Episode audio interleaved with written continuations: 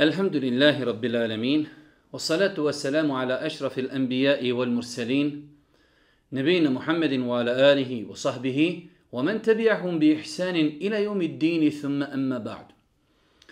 Doista svaka zahvala pripada uzvišom Allahu subhanahu wa ta'ala. salatu mir i selam na Allahu poslanika, Allahu miljenika Muhammeda alaihi salatu wa salam, Njegovu časnu porodcu, njegove uzorte ashabe i sve ljude koji slijede put istine do sudnjega dana. Uvažna braćo, poštovane sestre, uvaženi gledatelji, evo nas u još jednoj emisiji u kojoj se družimo sa odabranim ajetima iz Kur'ana. Kao što znate, mi smo do sad imali 12 emisija i do posljednje emisije trudili smo se da svaka emisija tretira odabrani ajete jednoga džuza. Od posljednje emisije, to je 12. emisije, napravili smo izuzetak gdje smo počeli da e, tretiramo suru po suru, pa smo u 12. emisiji tretirali odabrani ajete i suri Hud. Danas, ako Bog da, nastavljamo sa istom metodom u naredni neki najvjerojatniji desetak emisija ćemo se družiti tretirajući e, suru po suru, odabrani ajeti iz određene suri. Svakako, i to nije dovoljno. Večeras, evo imamo, družimo se sa surom Jusuf da bi čovjek prokomentarisao i osvrnuo se na neke najbitnije koristi sure Jusuf, potrebno mu je sigurno 3, 4 ili 5 e, predavanja, pa ćemo mi odabrati određene ajete večeras iz sure Jusuf, da bi ukazali na određene, određene pouke, poruke iz ove veličanstvene suri. Večeras, evo kao što smo rekli, družimo se sa odabranim ajetima iz sure Jusuf. Sura Jusuf je jedna specifična sura, svakako svak od nas e, vjerujemo da poznaje generalno šta se desilo sa Jusufom alihi salatu wasalam. Definitivno to je jedno najpotpunije kazivanje u cijelom Kur'anu. Allah e, ga naziva najljepše kazivanje najljepše kazivanje, doista ono je e, za razliku od drugih kazivanja ispričano u jednoj suri i od početka do kraja. Primjer radi govor o Musau naći ćemo na nekoliko mjesta u Kur'anu. Govor o Ibrahimu naći ćemo na nekoliko mjesta u Kur'anu. Govor o drugim poslanicima naći ćemo na više mjesta u Kur'anu da bi čovjek dobio potpunu sliku šta se sve dešavalo sa određenim poslanikom, mora sakupiti sve te ajete da bi jednostavno znao šta se sve zaista desilo. Za razliku od sure Jusuf, ona znači sura Jusuf, kazivanje o Jusufu alaihi salatu wasalam, ona znači na jednom mjestu počinje govoriti od ranog djetinstva o Jusufu alaihi salatu wasalam sve do kraja njegovog života. Doista jedno fascinantno, lijepo kazivanje E, sura Jusuf je jedna e, velika sura, e, sura koja nas uči optimizmu, saboru, strpljenju, ključevima dunjalučkog uspjeha, kako se nositi sa iskušenjima. Stoga vjerujte da je veoma lijepo i potrebno da svako od nas vremena na vrijeme uzme Kur'an i pročita suru Jusuf, živeći sa tom surom, razmišljajući o njenim poukama i porukama i svakako pokušati u svakodnevnom životu E, one formule koje su spomenute u suri Jusuf ugraditi u svoj svakodnevni život. Jusuf Ali, salatu wasalam, kao što je došlo u vjerodostojnim hadisima, imao je e, izuzetno e, lijepo porijeklo. On je sin poslanika, njegov otac je sin poslanika, njegov djed je sin poslanika. Jusuf alaih salatu wasalam je sin Jakubov, Jakub je sin Ishakov, a Ishak je sin Ibrahima alaih salatu wasalam, pa je to loza četvorici, četvorici poslanika. Jusuf alaih salatu wasalam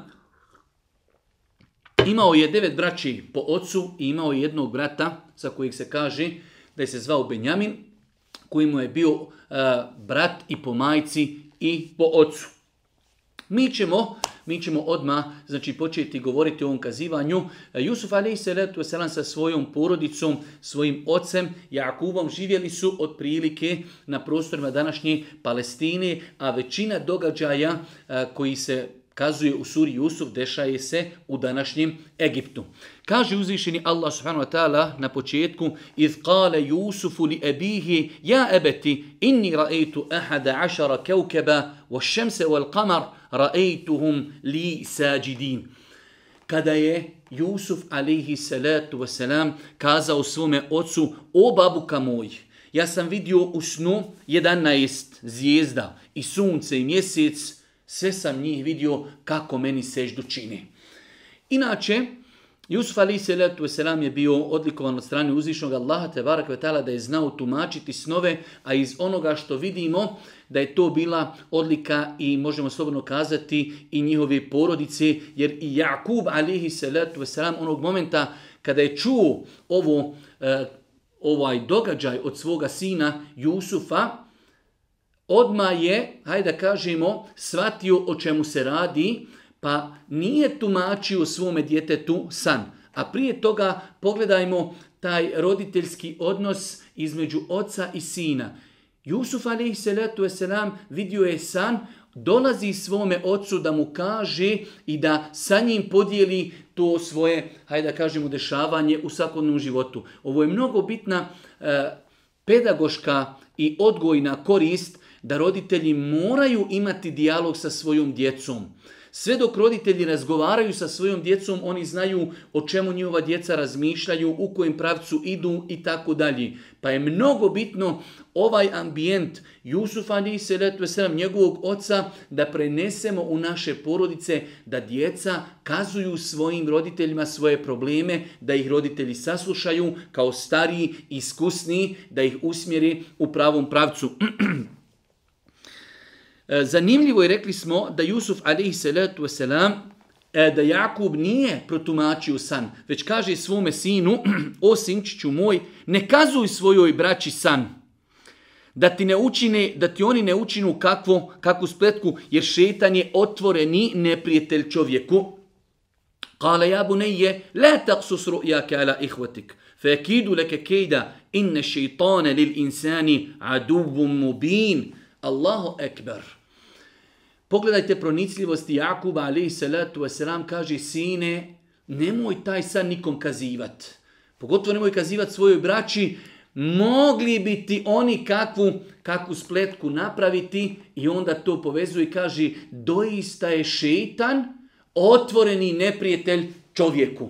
Pogledajte te roditeljske savjete, koliko smo danas mi u svakom životu potrebni da sjednimo sa svojom djecom i da im kažemo, sine, Vidiš li ovo što se dešava na ulici? Pogledaj nemoral, pogledaj grijehe, pogledaj ovo, pogledaj psovku, pogledaj vokabular.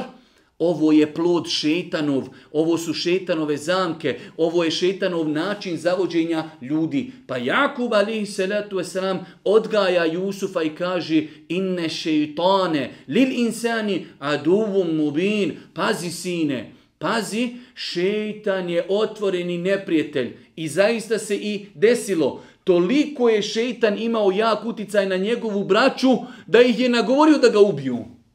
Nešto mnogo, mnogo teško pa je veoma bitno da roditelj razgovara sa svojim djecom, da ih usmjerava i da im kaži znači ono što se dešava, da im pojasni situaciju na terenu.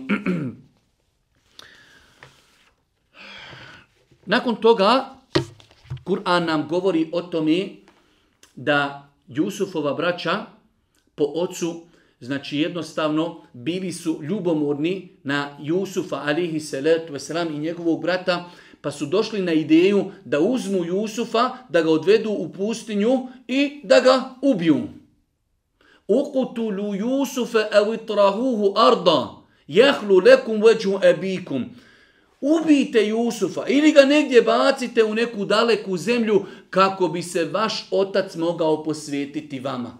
Pogledajte, braćo, moja dragi i sestre, kako nam jasno Kur'an kazuje šta se dešavalo između Jusufa i njegove braći. Do te mjeri ljubomora može otići da djeca mogu pomisliti da jedni druge ubiju toliko žestog scenarij, hajde da znači e, nešto manje, to je razumno, ali da dođu djeca na nivo da jedni drugi ubiju, zato roditelji moraju paziti. Moraju paziti, ovo nevezano za Jakuba, on je bio Allahov poslanik i on nije pravio greške, ali koliko puta mi kroz život čujemo kako roditelji jednom djetetu daju prednost na drugom djecom, pa materijalno, pa emotivno, pa ljubavlju i tako dalje. Pa ostala djeca se osta, osjeti zapostavljenim. I onda u toj zapostavljenosti mogu doći na razno razne ideje. Zato je došlo u vjerodostojnom hadisu da Allah poslani kaže Ittequllahe wa'dilu bejne uladikum Bojte se Allaha i budite pravedni prema svojoj djeci. U jednom hadisu je došlo da je Božji poslanik pitao jednog čovjeka koji je svojoj djeci dao različite poklone, a kaže, bili volio da ti oni svi čine isto dobročinstvo? Pa kaže, bi volio. E onda kaže, i ti budi prema njima pravedan i ravnomjeran. Pa znači, mnogo je bitno da roditelj ne daje povoda djeci svojim postupcima da djeca jedna drugu mrzim. Pa vidimo, znači da djeca mogu doći do opasnog nivoa. Okutulu Jusufe, evitrahuhu arda, jehlu lekum veđu ebikum, vatekunu min ba'dihi qavman salihin. Vi ili ga ubijete ili ga bacite, a poslije, pazite, vidite šeitan kako došaptava, nakon toga ćete vi biti dobri. Danas uradi grije, sutra ćeš se ti pokajati. Pogledajte kako šetan, kako šetan zavodi ljude. Pa kaže uzvišeni Allah nakon toga Kale kailu minhum la taqtulu Jusufe. وَأَلْقُوهُ فِي غَيَابَةِ الْجُبْ يَلْتَقِتُهُ badu سَيَّارَةِ إِن كُنْتُمْ فَاعِلِينَ Nemojte ga ubijati. Ali, ako već nešto hoćete uraditi, bacite, te, bacite Jusufa u jedan bunar, ne misli se bacite ga u bunar u vodu, već prijašnji bunarevi su bili znači na određenoj dubini, pa su ljudi silazili u te bunareve ili su se spuštali, pa bi dole uzimali vodu. Kaže, ostavite ga dole, da ne može on doći kući, pa neko ko dođe, od karavana koje budu prolazile, one će pokupiti Jusufa sa sobom i eto, nismo ga ubili, ali ćemo ga se na taj način riješiti. Opet pogledajte, ovo je najmilostiviji brat Jusufov. Kaže, nemojte ga ubijati, ali hajde da ga bacimo, hajde da ga bacimo u bunar. ali ovdje moramo paziti Znači jedna metoda, jer smo rekli da ćemo kroz ova naša druženja ukazivati na metode putem kojih šetan zavodi ljude. Jedna od metoda jeste da šetan čovjeku prije grijeha poziva ga na grijeh, znajući da zna da je to grijeh, on kaže čovjek u redu, samo to uradi, poslije ćeš se ti pokajati. Pa tako e, e, djevojci, omladini, učinimo nemoral, učini zinalku, pokajat se ti poslije toga. Ali sad dok si mlad, prođi dunjaluka, malo se opijaj, malo bluda, malo nemorala, malo kladionica.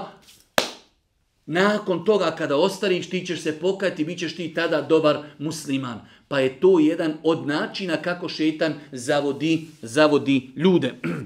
Nakon toga nam e, kuransko kazivanje o Jusufu počinje govoriti kako su oni implementirali tu svoju ideju pa su došli Jakubu i kažu oče pusti Jusuf se letuje wasalam da ide sa nama da se igra a mi ćemo ga, mi ćemo ga paziti. Pa Jakub se se wasalam kao da je osjetio kaže a šta? Kaže da ga ja dadnim, da pustim da ide sa vama, mogao bi ga pojesti, mogao bi ga pojesti vuk. Kao da im je u jednu ruku na taj način otvorio vrata. Šta će oni sutra kada dođu sa njim, šta će oni sutra slagati svome ocu? Pa nam uzvišeni Allah govori i kaže وَجَاءُ أَبَاهُمْ عِشَاءٍ يَبْكُونَ قَالُوا يَا أَبَانَا إِنَّا ذَهَبْنَا نَسْتَبِقْ وَتَرَكْنَا يُوسُفَ عِنْدَ مَتَاعِنَا فَأَكَلَهُ الذِّئْبُ وَمَا أَنْتَ بِمُؤْمِنٍ لَنَا وَلَوْ كُنَّا صَادِقِينَ Došli su na večer. Najveće u to vrijeme nema struje, lakše je, lakše je glumiti, lakše je lagati. Pogledajte kako su djeca spremna da svašta isceniraju. Došli su noću, plaću. Pa kažu, ja ebana inna o babuka naš, mi smo otišli, igrali smo se, Jusufa smo ostavili kod naših stvari, da nam čuva stvari. Bili smo u pustinji, fe ekelehu zib, Pojeo ga je vuk. Onako kako si ti prepostavio, ti si govorio, pazite, čuvajte da ga ne pojede vuk. Pojeo ga je, kaže vuk, fe ekelehu zib wama anta bi mu'mini lena. Ali kaže, mi znamo da ti nećeš nama, nećeš nama povjerovat. Jakub alaihi salatu wasalam se našao u jednoj neiz, e, izuzetno teškoj situaciji, dolazi ti devetero djece i kaže Jusufa pojeo vuk i u svemu tome iako je to znači dječje donijeli su u, e, donijeli su košulju koju su natopili krvlju od ovci. Nisu oni se sjetili da malo košulju pocijepaju, već su donijeli košulju čitavu i namazali je krvlju. Pa je njihov otac, to je poslanik, iskusan, on je satio da je to laž, ali gotovo, ne može, kako sad da ih ubjeđuje pa je prihvatio tu njihovu teoriju, iako je shvatio da su oni slagali, jer su donijeli čitavu košulju, čitavu košulju koju su samo namazali krvlju, donijeli su svakako Jusufovu košulju. Vođau ala kamisihi bidemin kezib. Kale bel sevelet lekum enfusukum emra fe sabrun džemil, ala ma Oni su došli sa njegovom košuljom koju su namazali lažnom krvlju. Al, e, rekao im je Jakub, bel se uvolet lekum enfusukum emra. U vašim dušama je poniklo zlo. Nije to što vi tvrdite, nešto je to drugo. U vašim dušama je poniklo zlo. sabrun džemil. Strpljenje je najljepše. Ja sad ne mogu ništa drugo, osim da se strpim. Wallahu l musta'anu ala ma tasifun. Nakon toga, Kur'an nam govori, Jusuf a.s. ostaje u bunaru iščekujući, iščekujući šta će i u kojem pravcu će otići njegova sudbina. Pa uzvišenje Allah s.w.t. kazuje da je došla jedna karavana koja je e, spustili su jednog svoga čovjeka da natoči vode, dole je došao, kaže, Hada gulam, evo, našao sam jedno dijete, pa su ga uzeli sa sobom i u pravcu Egipta odvijeli. Pogledajte, braćo moja draga i ciljni sestre, interesantan moment. Zamislite sad tu situaciju, ta karavana, ljudi putuju, trgovci, našli jedno malehno dijete u bunaru, povešće ga sa sobom u egipa dole ima pijaca, u to vrijeme pijace robova, prodaće ga kao roba. Ali ono što je interesantno, to je budući Allahov poslanik. To je Allahov odabrani rob koji mora da prođe kroz jedna velika iskušenja koja će ga ojačati i očistiti da bi postao ono što će postati. Ono što je nama interesantno danas kada vidimo nekog jetima, kada vidimo neko siroće, kada vidimo čovjeka na ulici, kada vidimo insana koji možda eh, ima, određene, ima određene nedostatke na svome tijelu, ne znamo mi Kakva će biti budućnost? Ne znamo mi ko će taj insan biti. Pa je bitno, pametno da čovjek iskorištava svaku priliku. Danas imamo u komšilku nekog jetima. Pomozi tog jetima. Možda će taj jetim za 10 ili 15 godina, možda će biti predsjednik državi. Možda će biti veliki alim koji će uputiti stotine hiljada ljudi u islam. Možda će to biti uticajan čovjek. Možda će to biti veliki trgovac. Možda, možda. Pa insan ne zna. Ne zna Ko su ljudi koji se trenutno nalazi oko njega, odnosno šta će oni biti u budućnosti? Pa insan treba da iskorištava prilike. Zamislite da su ti ljudi tada, vodeći Jusuf ali selam na pijacu, znali da je to jedan velikan historije o kojem će Kur'an govoriti o znači insan koji će biti jedan od uglednih Allahovih poslanika. Nakon toga Dolazi Jusuf alihi salatu wasalam u Egipat sa tom karavanom i na pijaci ga prodaju bisemenin bahs. Prodaje ga kaj samo da ga se riješi. Allahu ekber. Oni imaju nešto mnogo vrijedno. Ne znaju. Pa su ga prodali po, pojeftino. Pa kaže uzvišeni Allah i onaj iz Misra, iz Egipta, koji ga je kupio, reče ženi svojoj, učini mu boravak prijatnim možda nam koristan bude I možemo ga možda i posiniti. I eto tako mi Jusufu dade smo lijepo mjesto na zemlji i nauči smo ga tumačenju snova. A Allah čini šta hoće, a većina ljudi ne zna. Allah je spasio Jusuf alaihi salatu wasalam iz bunara, došao u Egipat, kupio ga jedan ugledni čovjek, bogataš, gdje će Jusuf alaihi salatu wasalam odrasti, kaže uzvišeni Allah, ali smo ga mi podučili tumačenju snova. A Allah subhanu wa ta'ala čini šta hoće, a većina ljudi ne zna. Ovdje treba spomenuti nekoliko stvari, ovdje nam uzvišeni Allah jasno kaže da je on taj koji podučava ljude tumačenju snova. Nažalost mi živimo danas u vremenu pogotovo u arapskom svijetu, dole imate satelitske kanale gdje ljudi sjedi, ljudi iz cijelog svijeta zovu, njima govore svoje snove, a oni to, oni to kao tumači. Pa je tumačenje snova jedna posebna nauka koja se ne može naučiti čitajući knjige, već može samo biti dar od uzvišenog Allaha subhanahu wa ta'ala, da uzvišeni Allah nekoga poduči. Svakako čovjek iščitavajući knjige, iščitavajući propise, može se dodatno edukovati, ali osnova nauke jeste dar od uzvišenog Allaha subhanahu wa ta'ala. Mi živimo u vremenu, pogledajte, Jusuf alaih salatu wasalam vidio je san kao dijete, dječak, a taj san se obistinio po nekima nakon 25 ili 30 godina. Mi imamo danas problem, vidimo san noćas, sutra hoćemo da nam se san obistini. San se može znači vidjeti sada, a da se tek obistinjuje nakon 20, 30 ili 40 godina. Pa ljudi u današnje vrijeme e, poprilično griješe kad su u pitanju snovi. Prvo, kazuju svakome svoje snove. Traži da se tumači. Ljudi kupuju sanovnike, sanovnik od Ibnu Sirina i sami sebi čitaju tumače snove, što je apsolutno neispravno. S druge strane, ljudi očekuju, danas sam nešto sanjao, sutra da mi se odmah to nešto ispuni, što je opet, što je opet neispravno.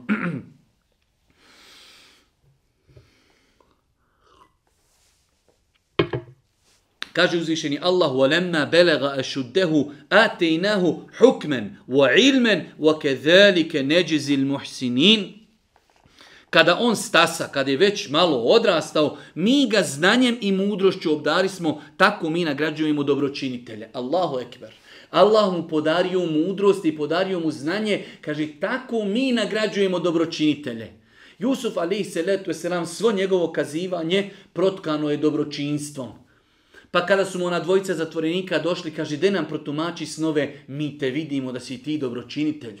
Kada su mu njegova braća dolazila da traži hranu, kaže, mi vidimo da si ti dobročinitelj. Allahu ekver, braćo moja draga i cini sestre, jedno od najboljih e, svojstava kojim se može čovjek okititi jeste dobročinstvo prema ljudima koji ga okružuju. Dobročinstvo prema ljudima, Allahu poslani, ali se letu selam kaže, Hayru nasi anfa'uhum lin nas. Najbolji ljudi su oni koji najviše koriste ljudima, pa kaže uzvišeni Allah: "Walamma balagha ashuddahu atainahu hukman wa ilman wa kadhalika muhsinin." I kada on stasa, kada je već postao momčuljak, kaže mi ga znanjem i mudrošću obdarismo, Znanje je opet ključevi znanja su kod uzvišenog Allaha. Mudrost je poklon od uzvišenog Allaha, tako mi nagrađujemo one koji su dobročinitelji. Pa ako želite sreću, zadovoljstvo, uspjeh, beričet, blagoslov u životu, onda budite od onih ljudi koji pomažu u granicama svojih e, mogućnosti ljudima koji ih okružuju. I to je jedan od ključeva e, uspjeha Jusufa, ali i da se nikada nije mijenjao od ranije mladosti, pa kada je bio u zatvoru, pa kada je bio na funkciji, uvijek su ljudi za njega govorili da je minel muhsinin, da je dobar, da je plemenit, da je čestit. I takav treba biti vjernik, postojan. Ne da bude danas ovakav, sutra onakav, ne. Vjernik je uvijek dobar, uvijek plemenit, uvijek čestit i tako, i tako dalje.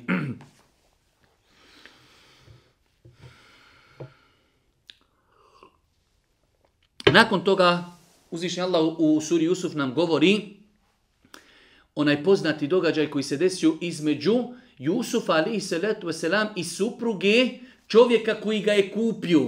A to je bio jedan veliki ugljednik u Egiptu. Pa uzvišeni Allah s.w.t. kaže وَرَاوَدَتْ هُلَّتِي هُوَ فِي بَيْتِهَا عَنْ نَفْسِهِ وَغَلَّقَتِ الْأَبْوَابِ وَقَالَتْ هَيْتَ لَكْ قَالَ مَعَذَ اللَّهِ Innehu rabbi ahsene methvaj, innehu la yuflihu zalimun. I poče ga na grijeh navoditi ona u čijoj je kući bio. Ona njega poziva na grijeh. Jusuf alaih salatu wasalam bio mlad, bio je lijep, bio je daleko od svoje kući. Iako uradi neki grijeh, niko ne zna ko je Jusuf alihi salatu wasalam. Ona njega poziva, ona zaključala vrata. Jednostavno, toliko faktora se uključilo da se ono zove tome grijehu. Ona lijepa, ona ugledna, ona njega poziva. Dobro je zaključala vrata. On mlad, on lijep, on daleko od svoje kuće. Niko ne zna za njega, ali ima uzvišeni Allah, ima iman, ima vjerovanje, ima moral, ima zahvalnost onom čovjeku koji je dobar prema njemu bio. Pa kaže uzvišeni Allah i poče na grijeh navoditi ga ona u čijoj kući je bio. Pa zaključa dobro sva vrata i reče, hodi, sačuvaj me Bože, uzviknu Jusuf. Vlasnik moj je lije, mene lijepo pazi, a oni koji dobro uzrate zlim nikada neće uspjeti. Allahu ekber. Ovaj ajet nam šalje toliko pouka i poruka. Prvo ona ga poziva. Poziva ga na nemoral. Pozaključala je vrata. On je lijep. U hadisima vjerodostim je došlo da je Jusuf se letu veselam imao pola dunjalučke ljepoti. Bez obzira kako se tumači taj hadis, ali je bio izrazito lijep. One žene, poslije kada su ga vidjele, svoje su ruke pocijepale i porezale noževima, kažu ovo je in hada illa melekun kerim. Ovo je melek, ovo nije insan. Toliko je bio lijep, ali kaže, ma'az Allah, Bože, sačuvaj. Pa moj gazda, čovjek koji me je kupio, Ahsene svaj bio je dobar prema meni. I onaj ko na dobro uzrati zlim, nikad uspjet neće. Daje nam Jusuf, ali se letu selam, iako je to bio vrijeme momak, mladić, ali mu je Allah dao znanje, dao mu mudrost, govorio je već sa znanjem, sa mudrošću, kaže onaj ko na dobro uzrati zlim, nikad neće uspjeti. Zato, braću moja draga, e, došlo je u vjerodostojnim hadisima da Allah poslanik posticao ljude kada ti neko uradi dobro, uzvrati mu. Ako ništa, dovi za njega. Za razliku od osobe koju uradi čovjek dobro, pa ne da ti uzrati dobro, uzrati ti zlim. Jusuf ali se letu ovaj ga čovjek kupio. Bio je dobar prema njemu, odrastao je kod njih, da mu uzrati na način da čini nemoral sa njegovom suprugom, kaže maazallah, Allah. Ove riječi maazallah Allah koje je rekao Jusuf, one nam danas trebaju. Našim omladincima kojima se otvaraju vrata nemorala na svakom koraku da kažu ma'az Allah, Bože naj sačuvaj da učinimo nešto što nam je zabranio naš, naš gospodar. kaže uzvišeni Allah i ona je bila poželjela njega. I on bi nju poželio da od gospodara svoga nije opomenu ugledao. Tako bi da odvratimo od njega izdaju i blud, jer je on uistinu bio naš iskreni rob. Innehu min nel muhlasin. Allah ga sačuvao u veoma teškoj poziciji i pojašnjava zašto. Zato što je to, kaže, naš odabrani rob. To je naš iskreni rob. Mnogo je bitno, braćo, moja dragi i sestre, u životu da se preispitujemo. Ko smo? Šta smo? Zbog čega živimo? Kakvo je naše srce? Da li smo iskreni kada idemo u džamiju? Da li smo iskreni kada dajemo sadaku? Da li smo iskreni prema prijateljima, prema svojoj djeci, prema svojoj supruzi, prema svome mužu, prema svojim roditeljima, prema svojim komšijama, prema radnim kolegama u trgovini? Koliko smo iskreni? Iskrenost je jedno od najljepših svojstava koji se mogu naći pri insanu. Da bude iskren da ne petlja, da nije lažov, da nije prevarant, kada ibadeti, ibadeti radi Allaha, kada se ljudima druži sa njima, druži se iskreno želeći im hajr. Pa kaže uzvišeni Allah, innehu min ibadina On je naš odabrani rob, on je naš iskreni rob. Zato smo ga sačuvali u toj teškoj situaciji. Pa insan koji želi da ga Allah sačuva u teškim situacijama, jedno od najboljih oružja i metoda jeste iskrenost prema uzvišenom Allahu subhanahu wa ta'ala. Nakon toga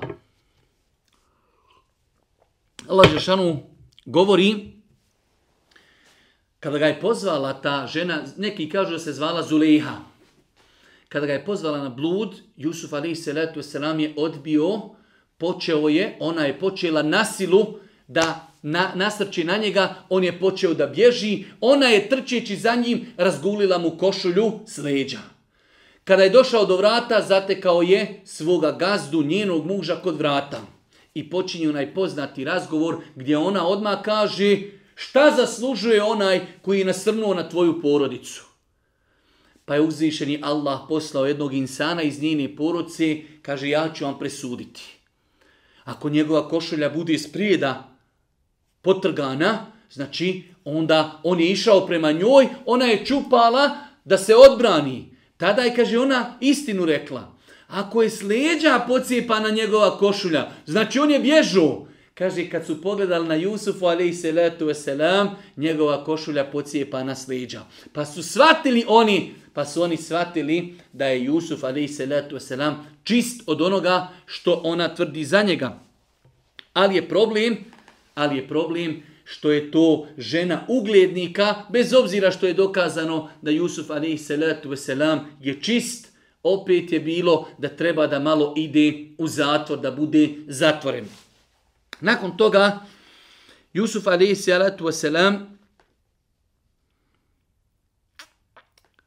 odnosno sura Jusuf govori o tome kako je ova žena koja ga je navraćala na blud pozvala žene iz Mahali, jer se počelo gotovo, proširila se priča, žena poziva svog groba na nemoral. Pa su žene počele pričati o tome pa je ona njih pozvala, bujrum, dođite, pa je, kaže, postavila da sjednu, donijela im noževe u ruke i onda je naredila da Jusuf, ali i se letu dovedu iz zatvora, pa kada su ga one ugledale, Znači, one su rezale svoje ruke noževima, ne osjećajući boli, gledajući u ljepotu Jusufa, alihi salatu wasalam, pa su tada one kazale, ovo je, ovo nije insan. Ma hada bešera, ovo nije insan, ovo je melek, ovo je toliko, toliko lijepo, lijepo stvorenje.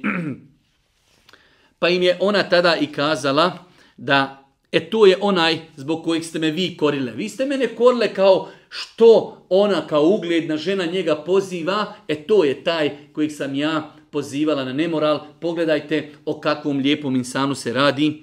Istina je da sam ga na grijeh navraćala, ali on se odupirao. Ako ne učini ono što od njega tražim, bit će sigurno u tamnicu bačen i ponižen. Jusuf Ali se letu selam tada Kaže, rabbi siđnu ahabu ilije mimma jed'uneni ili gospodaru.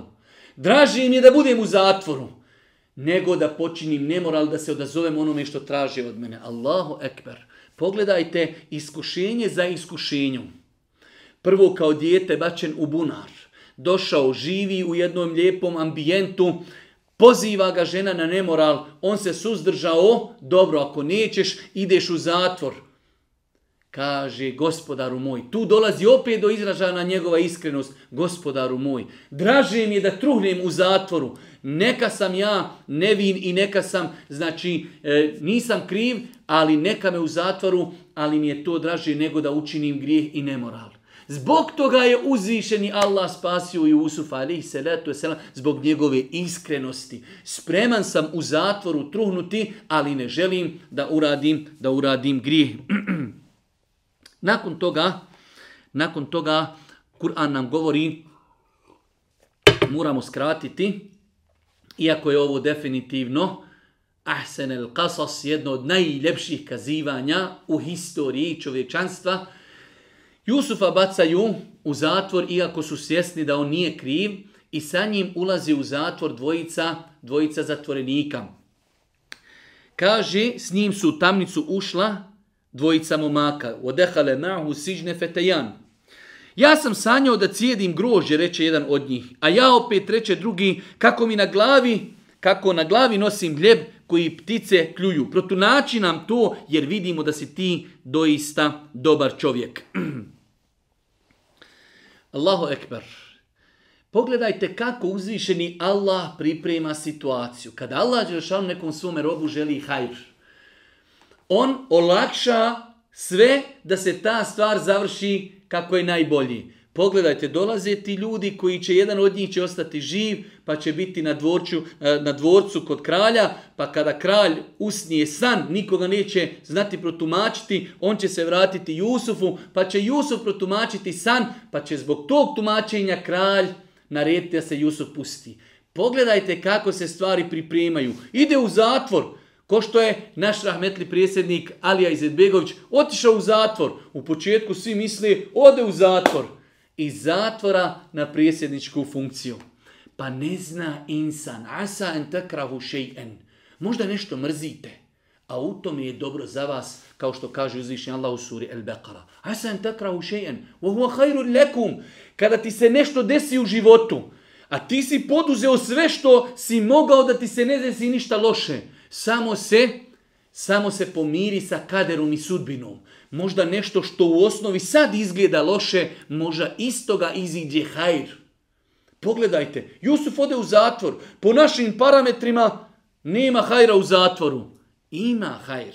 Kada Allah Đelšanu želi svome robu hajr, pa oni odmah su vidjeli da je to Allahov dobri rob da je to pobožan insan, da je to čestit insan, da je to dobročinitelj. Kažu, vidjeli smo snove, možeš li nam to ti protumačiti. Jedan kaže od njih dvojici, sanjao sam da cijedim grožđa. Drugi, drugi kaže, sanjao sam kako nosim hljeb na glavi i ptice, ptice ga pljuju. Jusuf alaih salatu wasalam iskorištava priliku, kaže, ja sahibe i siđni e arbabu muteferrikune hajrun. Emillahul vahidul kahar. To su ljudi koji su ušli sa njim, nisu vjerovali u Boga, nisu bili vjernici. Jusuf alaih salatu wasalam iskorištava ambijent. Oni nešto od njega traži, vide da je dobar čovjek, traži da im protumači snove. Čekaj, čekaj, kaže, prije što vam protumači nešto kažem. Da li, kaže, božanstva kojima vi robujete i koja obožavate, da li su ona ista? Mogu li se ona porediti sa uzvišenim Allahom subhanahu wa ta'ala? Pa Jusuf alihi salatu iako u zatvoru, koristi priliku da ljude pozove u hajr. I ovo je jedan veliki ders, velika pouka. Braćo moja draga i cini sestre, E, insan treba da bude aktivan. Gdje god da je, i u školi, i na pijaci, i na radnom mjestu, i u autobusu, i u tržnici, gdje god neki hajr može da uradi, treba da ga uradi. I u zatvoru, i na putu, i na autu, znači gdje god Jusuf alihi salatu wasalam, to je ono što ja mogu, ja rab. Ja sam u zatvoru imam dvojicu ljudi pored sebe. Daj da ih pozovem Allahu. I to poziva i najbitnijem pitanju i o tome smo govorili u jučerašnjem predavanju kada Nuh alihi salatu wasalam dolazi svom narodu. Svi poslanici kada dođu, prvo što pozivaju jeste Jednoća Allaha subhanahu wa ta'ala, et tauhid, monoteizam, nema drugog Boga osim Allaha, ne može se niko drugi obožavati i robovati njemu osim Allahu. Pa Jusuf alihi salatu wasalam pozivati ljude, poziva ih Allahu, poziva i vjerovanju, poziva i robovanju uzvišenom Allahu subhanahu wa ta'ala. Nakon toga, kaže Jusuf alihi salatu wasalam, o drugoj moji utamnici. tamnici, jedan od vas će gospodara svoga vinom pojiti, a drugi će razapet biti. Pa će mu ptice glavu kljuvati. Ono što ste pitali, tako znači. Kudu jel emru levi, fihite steftijan? to je odgovor na ono što pitate. Jusuf alihi salatu wasalam odgovor na njihove snove naziva fetvom, steftijan. ono što ste tražili fetvu. Znači, braćo moja draga, govorili smo na početku. Tumačiti snove znači dati fetvu. Čuvajte se. Čuvajte se toga da nekome tumačite snove, a niste kompetentni za to. Tumačiti snove znači dati fetvu, dati odgovor. Jusuf im kaže, alihi salatu wasalam, kudu jel emru, ovo je tumačenje onoga za što ste vi fetvu tražili.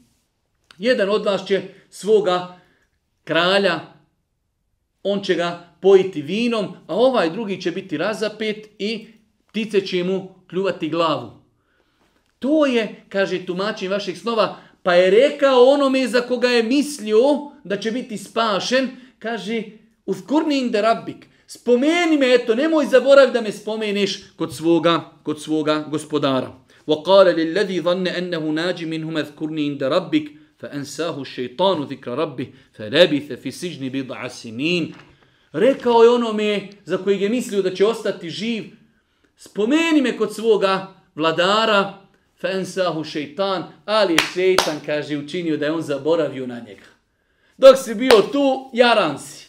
Kad je otišao, zaboravio na Jusufa, alihi salatu wasalam. Ali, rekli smo, kada Allah subhanahu wa želi svome robu hajr, on otvara vrata tome hajru. Kralj tog vremena, iako nevjernik, Allah daje da on vidi san. Vidio je sedam mršavih krava kako jedu debele krave. Vidio je sedam zeleni i sedam suhih klasova. Pa je okupio narod i kaže, da im protumačite snove. Kažu oni, mi ne znamo tumačiti te snove. glasu ahlam, pobrkano nešto, skroz. Ali je, kaže, eh, prethodni ajet, fi fisiđni bid'a asinin. Pa je Juzu vozdo godinama, nekoliko godina u zatvoru. Ovaj zaboravio na njega, a Juzuf trune u zatvoru. Ali sabor, strpljenje, ne može preko noći ništa doći.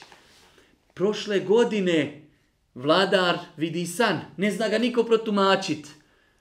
Sjetio se onaj Jusufov ahbab, kaže, imam ja jednog ahbaba, ali pošaljite me, dajte mi dozvol da idem u zatvor, da njega pita. Pa je došao Jusufu i kaže Jusufu, ejuha hasidik, pa gdje si Jusufe jarane? Sad su oni jarani. Zaboravio ga godinama.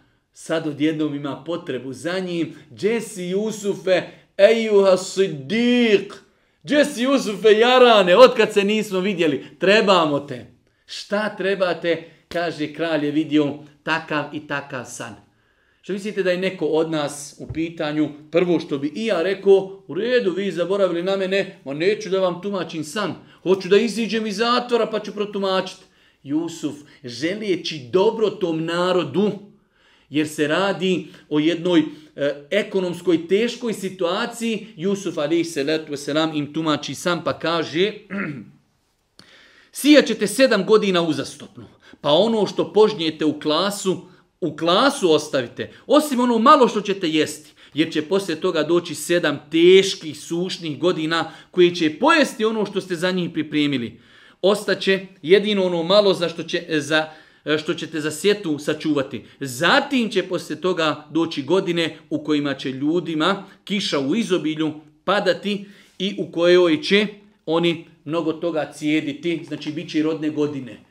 Pogledajte kako je Jusuf alaih salatu selam protumačio san kralja e, tog vremena. On je vidio sedam mršavih krava koji su pojele sedam debelih krava.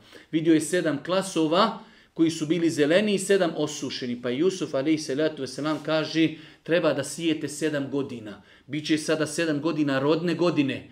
Ali pazite, pazite, ostavljajte, pravite zalihu i tada im Jusuf kaže nešto što je sada nauka potvrdila, ostavljajte, kaže, zrnevlje u klasu. Jer ako ga ostavite mimo klasa, ono će proklijati. To je nauka danas potvrdila ono što je Jusuf ali se veselam tada od svoga gospodara znao. Kaže ostavljajte, sedam godina sijete i ostavljajte. Samo ostavljajte, osim ono što malo jedite. Jer će nakon toga doći sedam godina koji će pojesti sve ono što ste vi ostavili, ostavili e, u rezervu, a nakon toga 15. godina, sedam rodni, sedam loši, 15. godina ponovo će biti rodna. Pa Jusuf se selam je protumačio taj san.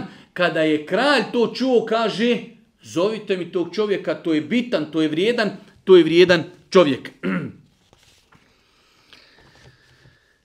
Jusuf Ali Selatu Veselam tada, pazite, znači prošlo je mnogo vremena, svako od nas bi poželio da iziđe iz zatvora, čak Boži poslanik Ali Selatu Veselam Muhammed kaže Vole u fi tule, lepsi Jusufe leđeb Tada dolazi zaslanik od kralja i kaže Jusuf, hajde, izlaziš iz zatvora, hajde, zovete kralj.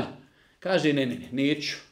Neću da iziđem, još se ono moje pitanje nije riješilo. Hoću da iziđe na vidjelo da sam čist. Allahu ekber. Pogledajte kako je bio moralan i čestit taj Jusuf se salatu Pogledajte njegov rating, pogledajte njegov obraz. Neću da iziđem, nema veze, nek sam dugo u zatvoru. Hoću da kralj riješi moje pitanje, da se zna da sam čist.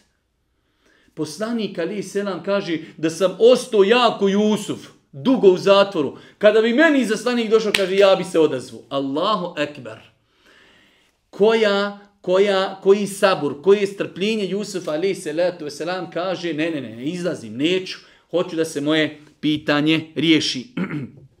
pa je ovaj kralj pozvao te žene, pozvao je onu ženu koja ga je pozvala na nemoral, pa ona kaže, al ane has has došlo je vrijeme da se sazna istina, kaže ona, sad će istina izići na vidjelo, ja sam njega na grijeh navraćala, on je u istinu govorio istinu. Tada saznalo se istina, žena priznala da je ona njega pozivala na moral, on je čista obraza izišao pred narod, kaže kralju tada, Kale iđ'alni ala hazainil ardi inni hafidhun alim. Postavi me, sad je prilika, sad je situacija, Postavi me, kaže, da ja kontrolišim resurse i prirodna bogatstva tvoga kraljevstva. Kaže, inni hafizun, ja čuvam stvari, alimun, imam znanje, znam kako se, kako se vodi financije u državi. Allahu ekber. Traži da vodi financije jedne velike države. Pa ga je kralj postavio na tu funkciju, jer je vidio iskrenost, vidio je znanje, vidio je znači e, kredibilitet i ovdje moramo pojasniti, jer je došlo vjerodostojno na disma da Allah poslanik kaže nemojte davati funkciju onome koje traži. To je jedno veliko pravilo. Ali, kažu islamski učenjaci, shodno evo ovom kuranskom ajetu, ako čovjek dođe u situaciji da se ljudi natječu za funkciju koji nisu kompetentni, koji će pronevjeriti ono što vodi, dozvoljeno da čovjek sam sebe predstavi, da traži, da kaj ljudi dajte meni vlast. Ja znam da se bojim Boga, ja sam kompetentan, ja sam školovan, ja ću to raditi kako treba, dozvoljeno je u toj situaciji ako vidi da tu funkciju traže ljudi koji nisu kompetentni, ljudi koji će to pronevjeriti, dozvoljeno je čovjeku da traži funkciju ako zna da se može kontrolisati, da je kompetentan i da čuva povjerenu stvar. Pogledajte Allahu Akbar nakon bunara, nakon pijaci, nakon prodaje, nakon poziva na blud, nakon zatvora, Jusuf wasalam izlazi i postaje jedna od najuticajnijih funkcija u državi u to vrijeme, znači ministar financija. On, on nadgleda šta, sve, šta sve u toj državi e, Fercera kada je u pitanju, kada je u pitanju materija. Desilo je se onako kako je Jusuf protumačio, sedam godina oni su uskladištavali, uskladištavali su e, žito, nakon toga sedam sušnih godina imali su rezerve, imali su, pa su preživjeli tu krizu. U toj krizi, iako oni žive u Egiptu, njegova braća daleko u Palestini osjeti tu krizu, pa dolaze, donose svoju neku robu da im oni dadnu žita, jer u Egiptu su velike, znači, velike površine, površine za žito, pa su oni imali, po Jusufovom receptu, imali su uskladišteno žito, a njegovi, njegova braća dolazi ne znajući. Nije im padalo na pamet da Jusuf alihi selam je taj koji kontroliše financije u jednom Egiptu. mi nemamo mnogo vremena, bojim se da vam ne odužim, pa ćemo malo ovaj kraj skratiti, iako je on mnogo bitan. Dolaze, znači njegova braća kod Jusufa ali se selam donose određene proizvode, traže od njega žito, pa im je on dao i dao im je i viška, ali ih je pitao ko su, šta su, on je njih prepoznao, oni njega nisu, kažu imamo mi još jednog brata kod kuće, ali babo ga ne da nikomi, a to je njegov brat po majci i po ocu. Pa im kaže Jusuf, ako ne dođete drugi put sa svojim bratom, nema više nikakve rani.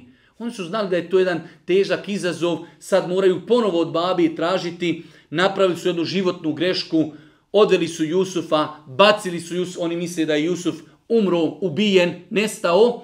Sad valja doći kući kazati babi, babo treba nam i naš najmlađi brat Benjamin da ide sa nama, u protivnom nema, nema, hajde da kažemo, e, nema više dobivanja žita.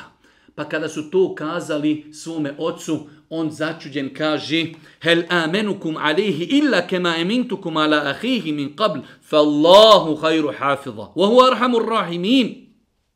Zar da vam ga povjerujem kao što sam prije povjerio brata njegova? Ali Allah je najbolji čuvar i on je najmilostiviji. Allahu ekber. Jakub alaih selam i dalje on osjeti Jusuf je živ. Tu je on negdje. On je najbolji čuvar. Kako kaže da vam povjerim Benjamina? A znate šta se desilo sa njegovim bratom, ali opet kaže Allah je najbolji čuvar i on je najmilostiviji. Pa je, braću moja draga, E, mnogo bitna ova stvar da čovjek vjeruje u Allaha, da se oslonja na Allaha subhanahu wa ta'ala u svim kriznim momentima i situacijama. Pa on kaže svojim tim sinovima, idite, ali kada budete ulazili, pošto su oni svi bili muškarci, lijepi, korpulentni, nemojte, kaže, svi ulaziti kad budete ulazili u Egipat na ista vrata, mogli bi vas ljudi ureći. Kažu islamski učenjaci, ovdje je dokaz da znači postoji urok od prijašnjih vremena, nemojte, kaže, ulazite na različite kapije, kako kad ljudi vide deset momaka ušlo odjednom u grad, svi veliki, lijepi, korpulentni, kako vas neko, kaže, ne bi urekao, a jednostavno, opet ono sve što se desi, desit će se Allahovom subhanahu wa ta'ala odredbom.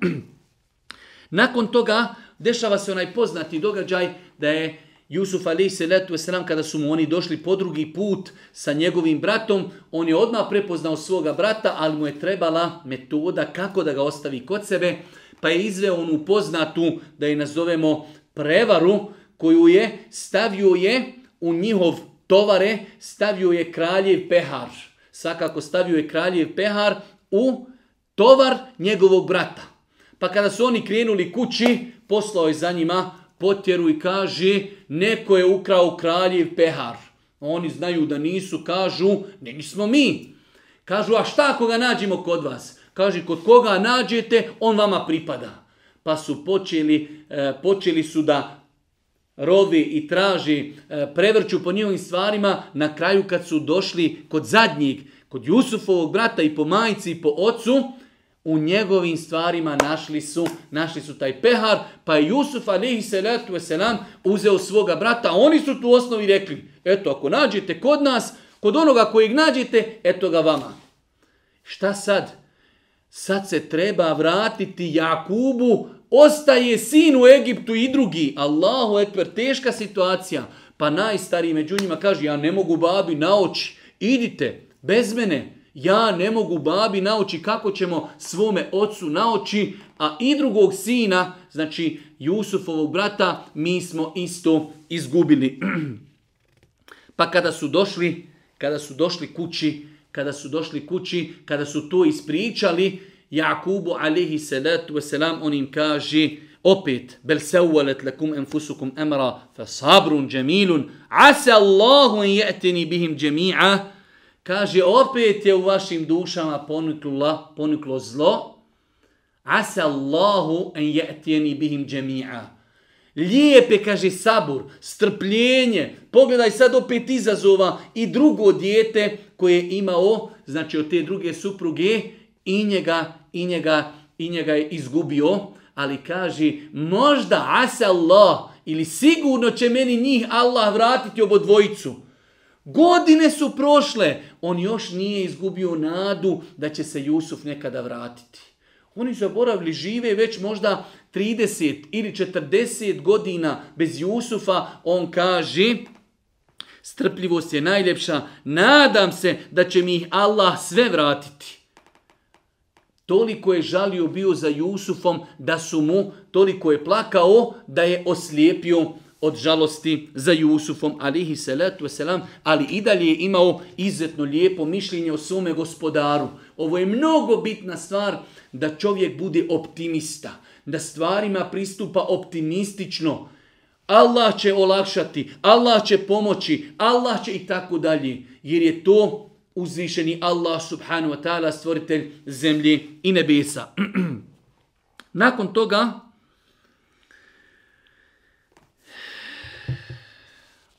Kaže Jakub alaihi salatu svojim sinovima, Ja benije izhebu fatahassasu min Jusufe wa ahihi wa la tayasu min rauhillah, Innahu la yayasu min rauhillahi illa l'qavmu kafirun Idite, o sinovi moji, tražite mi Jusufa. Allahu ekber, nakon toliko godina on i dalje kaže, idite, tražite ga, nemojte gubiti nadu Allahu milost, nadu Allahu milost gube samo nevjernici.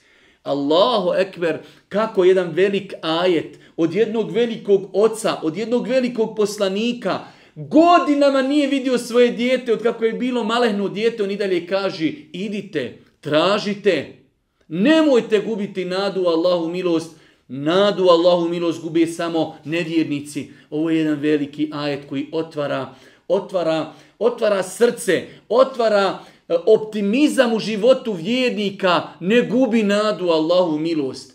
Ovo, ovaj ajet je veliki ajet ko, ljudima koji su u grijesima, čovjeku koji je u kladionici, čovjeku alkoholičaru, čovjeku koji ne klanja, osobi, ženi koja ne nosi mahramu. Nemoj gubiti nadu Allahu milost. Vrati se svome gospodaru. Njegova vrata su otvorena. Pokaj se, vrati se. Kaže Allah poslanik ali se nam doista se vaš gospodar raduje vašem pokajanju. Inna Allah yuhibbu tawabin. Allah voli pokajnike. Drži ruke danju ispružene da, pru, da primi pokajanje oni koji su griješili noću. A noću drži pruženu svoju ruku da mi primio pokajanje oni koji su griješili danju. Nemoj gubiti nadu Allahu milost. Allahu ekber.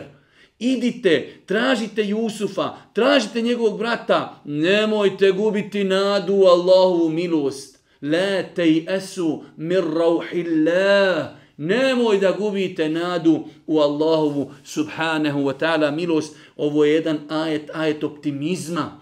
Evo mi danas živimo u teškim vremenima. I politička, i ekonomska situacija. Naše je da se vratimo Allahu. Naše je da obnovimo naš ugovor sa Allahom Allah je taj koji će popraviti situaciju. Svakako mi treba da poduzmemo dunjalučki sve faktore, ali ne smijemo gubiti nadu u Allahovu subhanahu wa ta'ala milost. Kaže, treći put dolazi oni kod Jusufa alihi salatu wasalam, kaže Jusuf njima, a znate li vi šta ste uradili sa Jusufom i njegovim bratom? Allahu ekber. dolazi oni kod čovjeka, ministar financija u Egiptu. Ne mogu ga prepoznati, nosi egipatsku odjeću. Kaže on njima, znate li vi šta ste vi uradili sa Jusufom? Oni su odmah kliknuli. Nemoguće da neko zna naš događaj sa Jusufom osim Jusuf. Pa kažu oni, da ti nisi Jusuf, rekoše oni. E inneke, le ente Jusuf, ma zar ti, da ti nisi Jusuf? Kaže, ene Jusuf, jesam, ja sam Jusuf. Wahada ahi, ovo je, ovo je moj brat. Allah nam je milost darovao.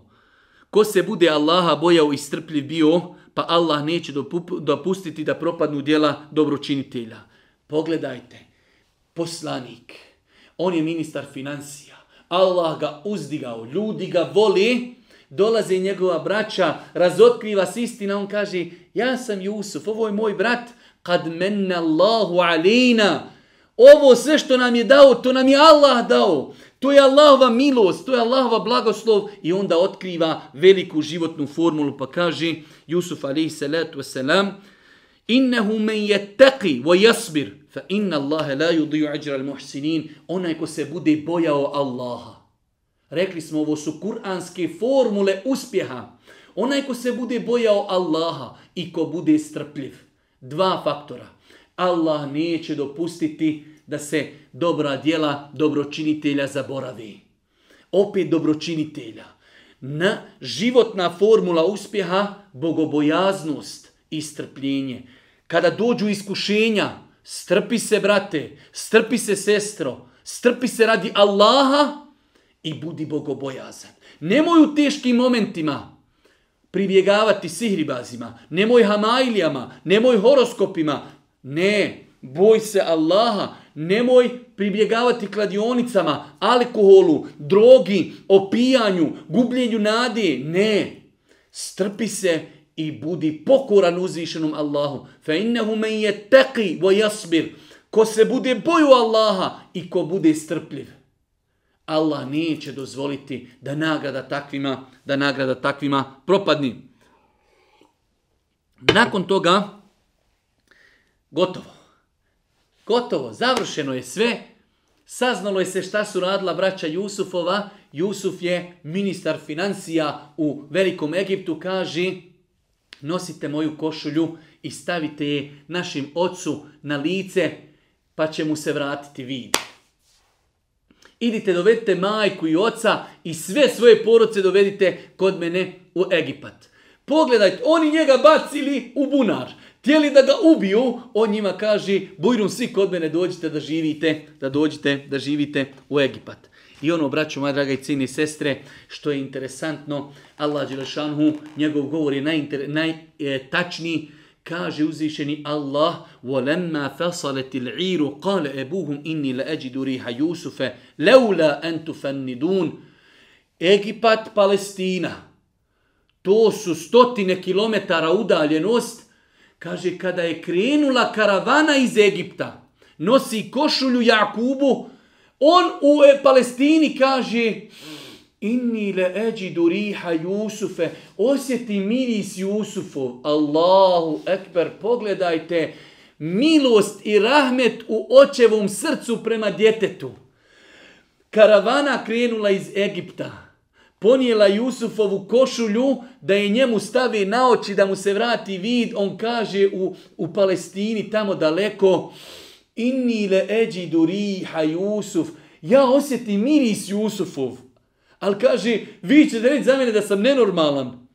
A uzvišeni Allah ga je nadahnuo da osjeti na taliko, tako velikoj udaljenosti rahmet i blagost roditelja. Kada bi samo naša dječica danas znala koliko roditelji vole svoju djecu kako im teško pada kada vidi da je dijete u nemoralu, da je neuspješno, da krade, da je u zatvoru, da ima problema i tako dalje. Kada bi samo dječica znala koliko njihovi roditelji voli njih. Nakon toga, znači, dolazi djeca do Jakuba, stavljaju košulju na njegovo lice, vraća mu se vid, traže oni, izvinjavaju se svome ocu, Traže od njega da ide zajedno sa njima kod Jusufa alihi salatu veselam u Palestinu. Pa kada su došli, tek tada se obistinio onaj san Jusufa koji je vidio u djetinstvu. Prošle su godine, po nekim učenjacima prošlo je 80 godina, ali sigurno je prošlo 30-40 godina pa kada su došli oni, on je podigao svoga oca i majku na prijestolje svoje, pa su svi oni zajedno njemu učinili seždu. U to vrijeme znači je bilo dozvoljeno da ljudi iz respekta, iz poštovanja se poklonu i nekome i da mu uradi seždu.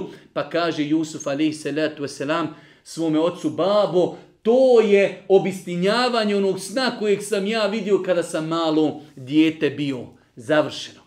Znači ovdje se završava kazivanje o Jusufu, ali pogledajte kraj.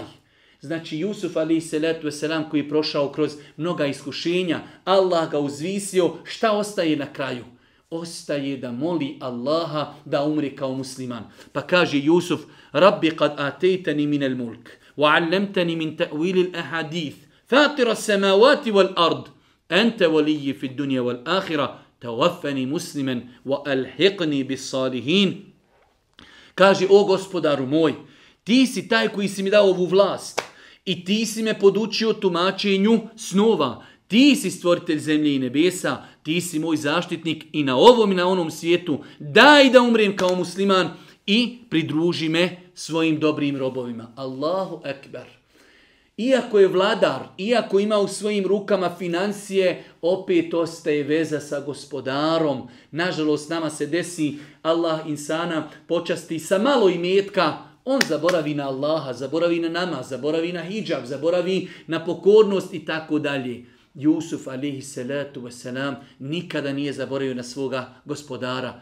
Gospodaru, ti si mi ovo sve dao, ti si me podučio, ti si moj zaštitnik i na dunjalku i na hiretu, daj samo još da umrem ko musliman. Pa je najbitnija stvar da čovjek izdrži do kraja maratona životnog. Da čovjek izdrži do kraja životnog maratona da bude pokoran, da klanja, da bude čedan, da bude pošten, da bude moralan, da pazi na prava uzvišenog Allaha subhanu wa ta'ala, baš ovako kako je pazio na njih Jusuf alihi salatu wasalam. Braću moja draga, ova sura definitivno jedna velika sura, uči nas strpljenju, uči nas saboru, uči nas moralnosti, optimizmu, osloncu na Allaha, lijepom mišljenju Allahu. Uči nas da su iskušenja put uspjeha. Nemoguće je da je neko postigao uspjeh a nije imao na tom putu iskušenja. Zato kada nas zadesi iskušenja, musibeti, nedaće, sjetimo se Jusufa, alihi salatu wasalam, kako je on krčio svoju historiju i svoju budućnost kroz iskušenja koja su bila izuzetno teška, ali se sve na kraju isplatilo. Molim uzvišnog Allah subhanahu da nas učesti na putu istini. Molim ga subhanahu da nam olakša življenje po Kur'anu i življenje sa Kur'anom subhaneke Allahumma ve bihamdike ešhedu en la ilaha illa ente stagfiruke ve etubu ilik. Ah.